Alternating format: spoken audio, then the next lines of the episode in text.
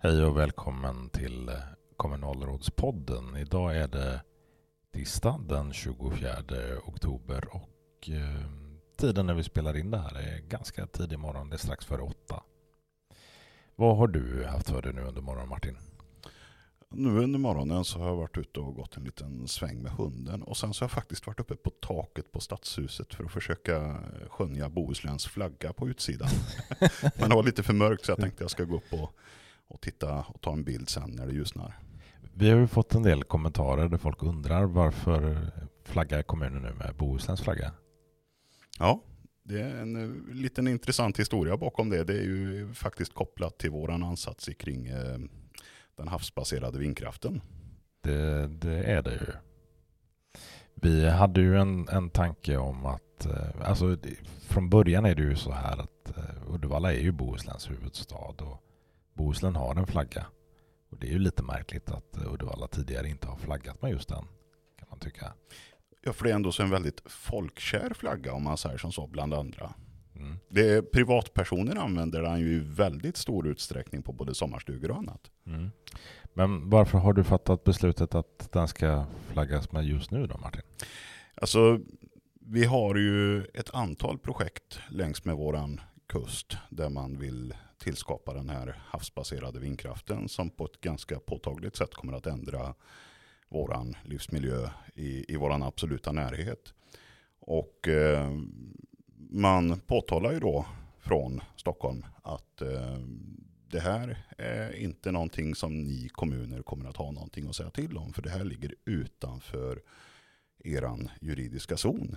Det här ingår inte i någon form av kommunal sfär där ni faktiskt kan ha en åsikt. Men det har vi.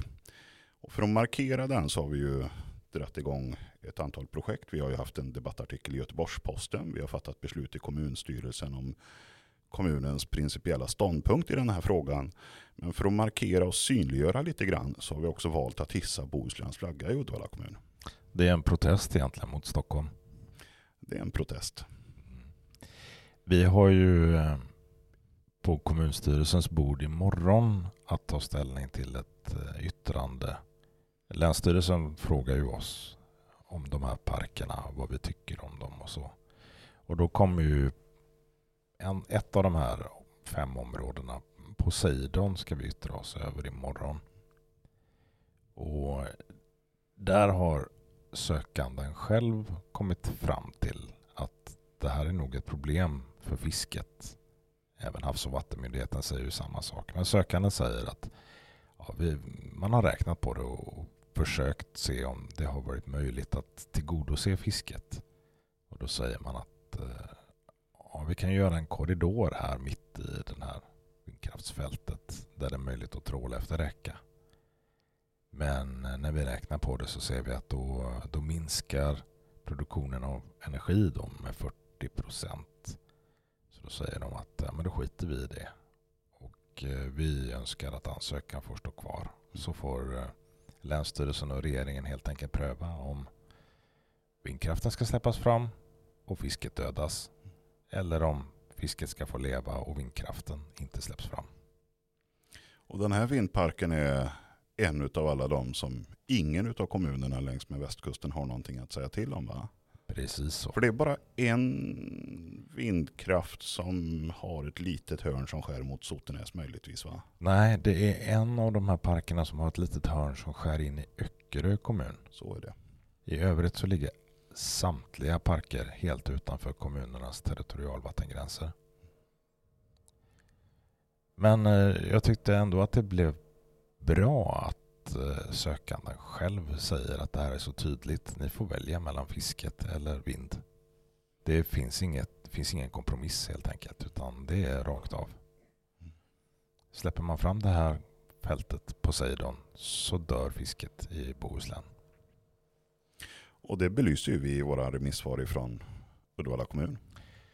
Det gör vi det är ju en del som säger att ja, men du ligger ju så långt ut och Uddevalla kommun är ju inte längst ut i havsbandet och, och så vidare. Men sanningen är ju den att för varje fiskare så finns det ytterligare fem personer i land som ger stöd till den här fiskaren.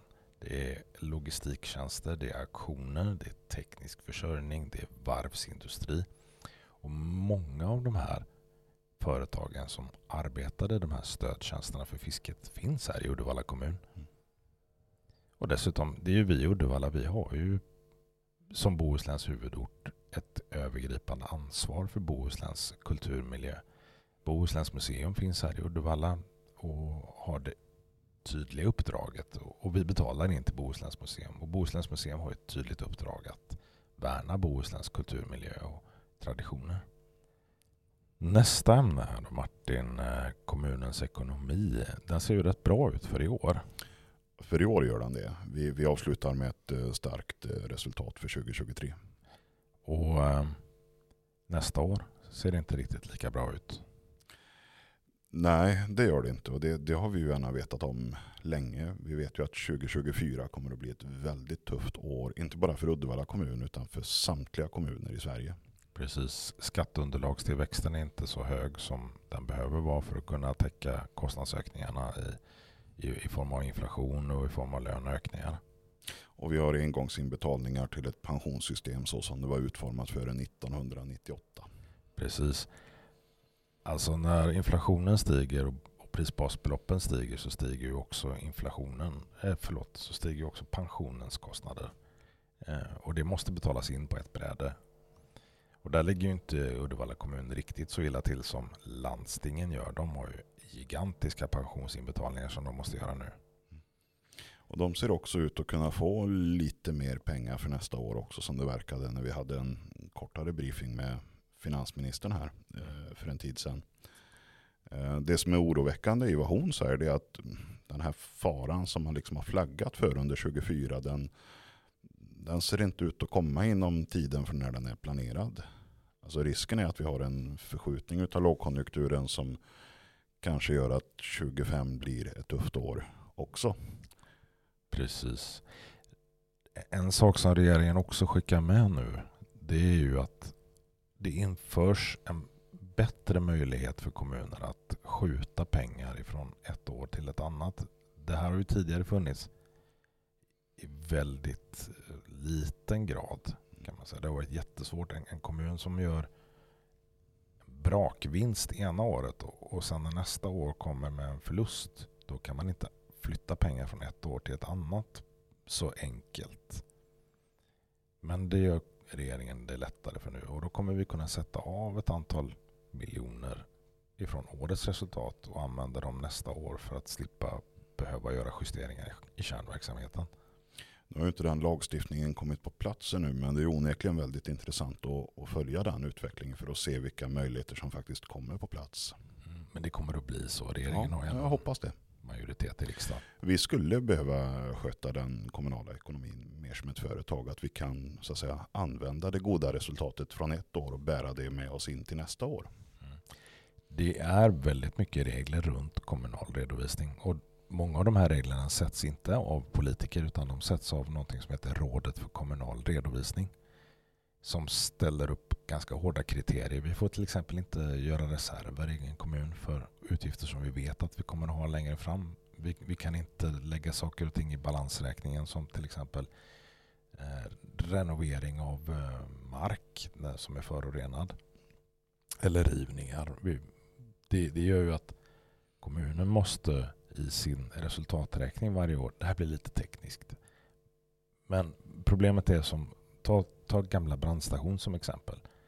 Om kommunen vill riva den då måste man ta pengar till det som man annars skulle ha betalat lärare med eller undersköterskor. Men i ett företag så hade man lånat pengar i praktiken för att göra den här och lägga det i balansräkningen som det heter. Så att det hade inte konkurrerat med utgifterna för den dagliga driften. Men det gör det i en kommun. Det här är ju anledningen till att många kommuner väljer att bolagisera delar av sin stadsutveckling för att kunna liksom använda sig av de fördelarna som följer ekonomin som hör ett företag till. Det, det, är ju samma pengar, det är bara frågan om vad som är en vettig redovisning av dem. Och där är ju kommunerna annorlunda än vad ett företag är. Kanske för att man var rädd för hur kommunerna agerade under 90-talskrisen. Men det här, är, det här är väldigt tekniskt och väldigt komplicerat. Men för, för, att göra det enkelt så ser det ut som att förutsättningarna för att kunna plocka med sig ett gott resultat in i ett tuffare år ser ut att komma på plats som ett resultat av ny lagstiftning. Precis så. Och det är väldigt välkommet. Mm. Martin, eh, hur ser vår budget ut för 2024? Vilka principer är det som gäller för den? Vi har ju ändå så lagt en, en trygg budget för 2024. Eh, till skillnad från hur vi misstänker att många andra kommuner kommer att göra så har vi inte gjort en panikinbromsning. Vi har eh, behållit det ekonomiska ramverket. Vi har stärkt det i den mån som det behövs. Men vi har inte fullt ut kunnat ta hänsyn till de kostnadsökningarna som har eh, följt inflationen. Så att eh, naturligtvis så, så uppstår ett behov av prioritering inom de kommunala förvaltningarna. Det finns ju alltid egentligen ett behov av prioritering men det är som du säger, vi ser ju inte de här paniknedskärningarna som man ser i andra kommuner. Vi ser inte heller de här panikskattehöjningarna som man gör i Stockholm. Där Stockholms stad och Stockholmsregionen, alltså landstinget, de tillsammans höjer skatten med 50 öre. Det är väldigt kraftig skattehöjning. Det är det. Och vi ser också hur många kommuner runt om i Sverige drar i handbromsen med sin stadsutveckling för att man har helt enkelt inte råd att, att prioritera det när man samtidigt behöver prioritera kostnadsökningar inom socialtjänsten och skolan. Då får liksom annat stryka på foten. Eh, med den budget som vi har lagt för 2024 så är vår förhoppning att alla de aktiviteter som vi har igång ska kunna fortsätta. Vi ser ju att vi har grannkommuner som har rätt stora problem. Alltså Uddevalla har ju en fördel av att vi är lite större. Eh, men vi har, ta en kommun som Lysekil till exempel som inte bara är mindre än Uddevalla utan också har en konstig, ja, konstig de har den geografi de har. De består ju av huvudorten som ligger på Stångenäset och sen så har man en ganska stor del av Bokenäset, alltså yttersta spetsen där, mm. Vi har kunnat läsa att de, som det verkar då, eh, inte har underlag för skola och äldreboende. Och eh, jag förstår Skafteborna som eh, finns där ute och, och, jag har läst vad rådets representant skriver och jag, jag känner verkligen för eh, Skafte i den här frågan. Eh, och jag tror att vi kan hjälpa både Skaftö och Lysekils kommun i den här frågan. För att vi har ju eh, fram till Lysekils gräns så har vi ju 2200 egna kommuninvånare som vi ska sörja för med kommunal service. Och längst ut så finns det 1500 människor som tillhör Lysekils kommun. Jag tror absolut att vi skulle behöva ta ett, eh, ett bredare grepp om den kommunala samhällsservicen till hela det området. Mm. Precis, alltså Lysekils kommun har ju problem på det sättet också att det finns ingen fastlandförbindelse mellan Skaftö och Lysekils kommun i övrigt. Men det ju, finns en fastlandförbindelse mellan Skaftö och Uddevalla kommun. Vilket gör att vi, om vi ingick en avtalssamverkan med Lysekils kommun, det vill säga Lysekil betalar oss en slant och så ställer Uddevalla kommun upp med, med skola och äldreomsorg i den mån som det, det är vettigt. Så är det win-win. Det vore otroligt vettigt och, och det lustiga är ju att det är en hyfsat ny företeelse. För det är egentligen den senaste kommunallagen som öppnade upp för den här typen av avtalssamverkan mellan kommunerna. Mest fokus då kanske på, på norra Sverige och möjligheten till samverkan mellan kommunerna där. Men jag är helt övertygad om att vi hade kunnat titta på en avtalssamverkan med Lysekils kommun där vi tar ett ansvar för skola, äldreomsorg, sophämtning och många andra saker ute på Skaftö. Precis, och det vore ju kostnads, mer kostnadseffektivt för oss att lösa det eftersom vi har den fasta landförbindelsen till Skaftö som Lysekil i övrigt saknar. Och vi ansvarar idag eh, hela vägen fram till Skaftö. Så att det kan vara en ekonomisk vinst även för Uddevalla kommun att få drygt 3000 eh, medborgare att ansvara för i ett sammanhang istället för 2000. Nästan 4 000 tror jag. Jag tror vi är en 2000 någonting och de är 1500. Så, så att eh, vi har en utmaning i att leverera kommunal service till 2000 kommuninvånare. Lysekils kommun har en utmaning i att leverera till 1500 kommuninvånare på andra sidan fjorden. Här hade vi absolut kunnat gjort någonting tillsammans som hade kunnat gynna bägge kommunerna och den största vinnaren utav alla, det hade varit de människorna som bor på Skaftö. Helt klart. Vi går vidare här.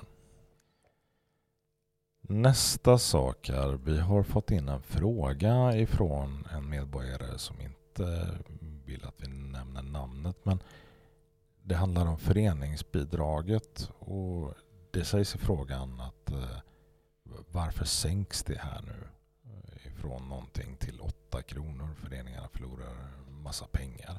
Vi har också sett en hel del kommentarer på det här eh, på Facebook bland annat. Det är jättekul att vi får in eh, frågor. Vi, vi behöver mer sånt men jag känner inte riktigt igen mig i beskrivningen att det skulle sänkas. Kan du utveckla lite grann om vad som händer med föreningsbidraget Henrik? Det det handlar om det är ju att Kultur och fritid har ju antagit en ny princip för föreningsbidraget. Mm. Tidigare princip för föreningsbidraget var att tjejer hade väldigt mycket högre bidrag per aktivitet än vad killar hade. Men det kan inte vara lagligt. Det är det verkligen inte. Dels så strider det mot kommunallagens likabehandlingsprincip men också är det ju det är en grundläggande könsdiskriminering. Att man helt enkelt ger barn bidrag efter vilket kön de har. Det får man inte göra såklart. Eh, men jag kan tänka mig att det här handlar om att eh, man i ett första skede helt enkelt har räknat ut vad en utjämning betyder. Att man ger tjejer och killar exakt samma förutsättningar.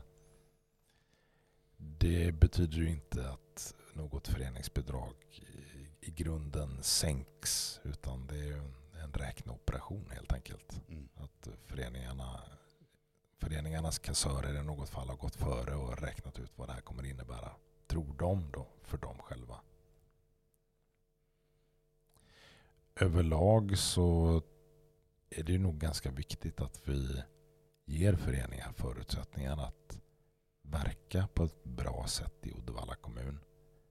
Därför att det är egentligen det enda.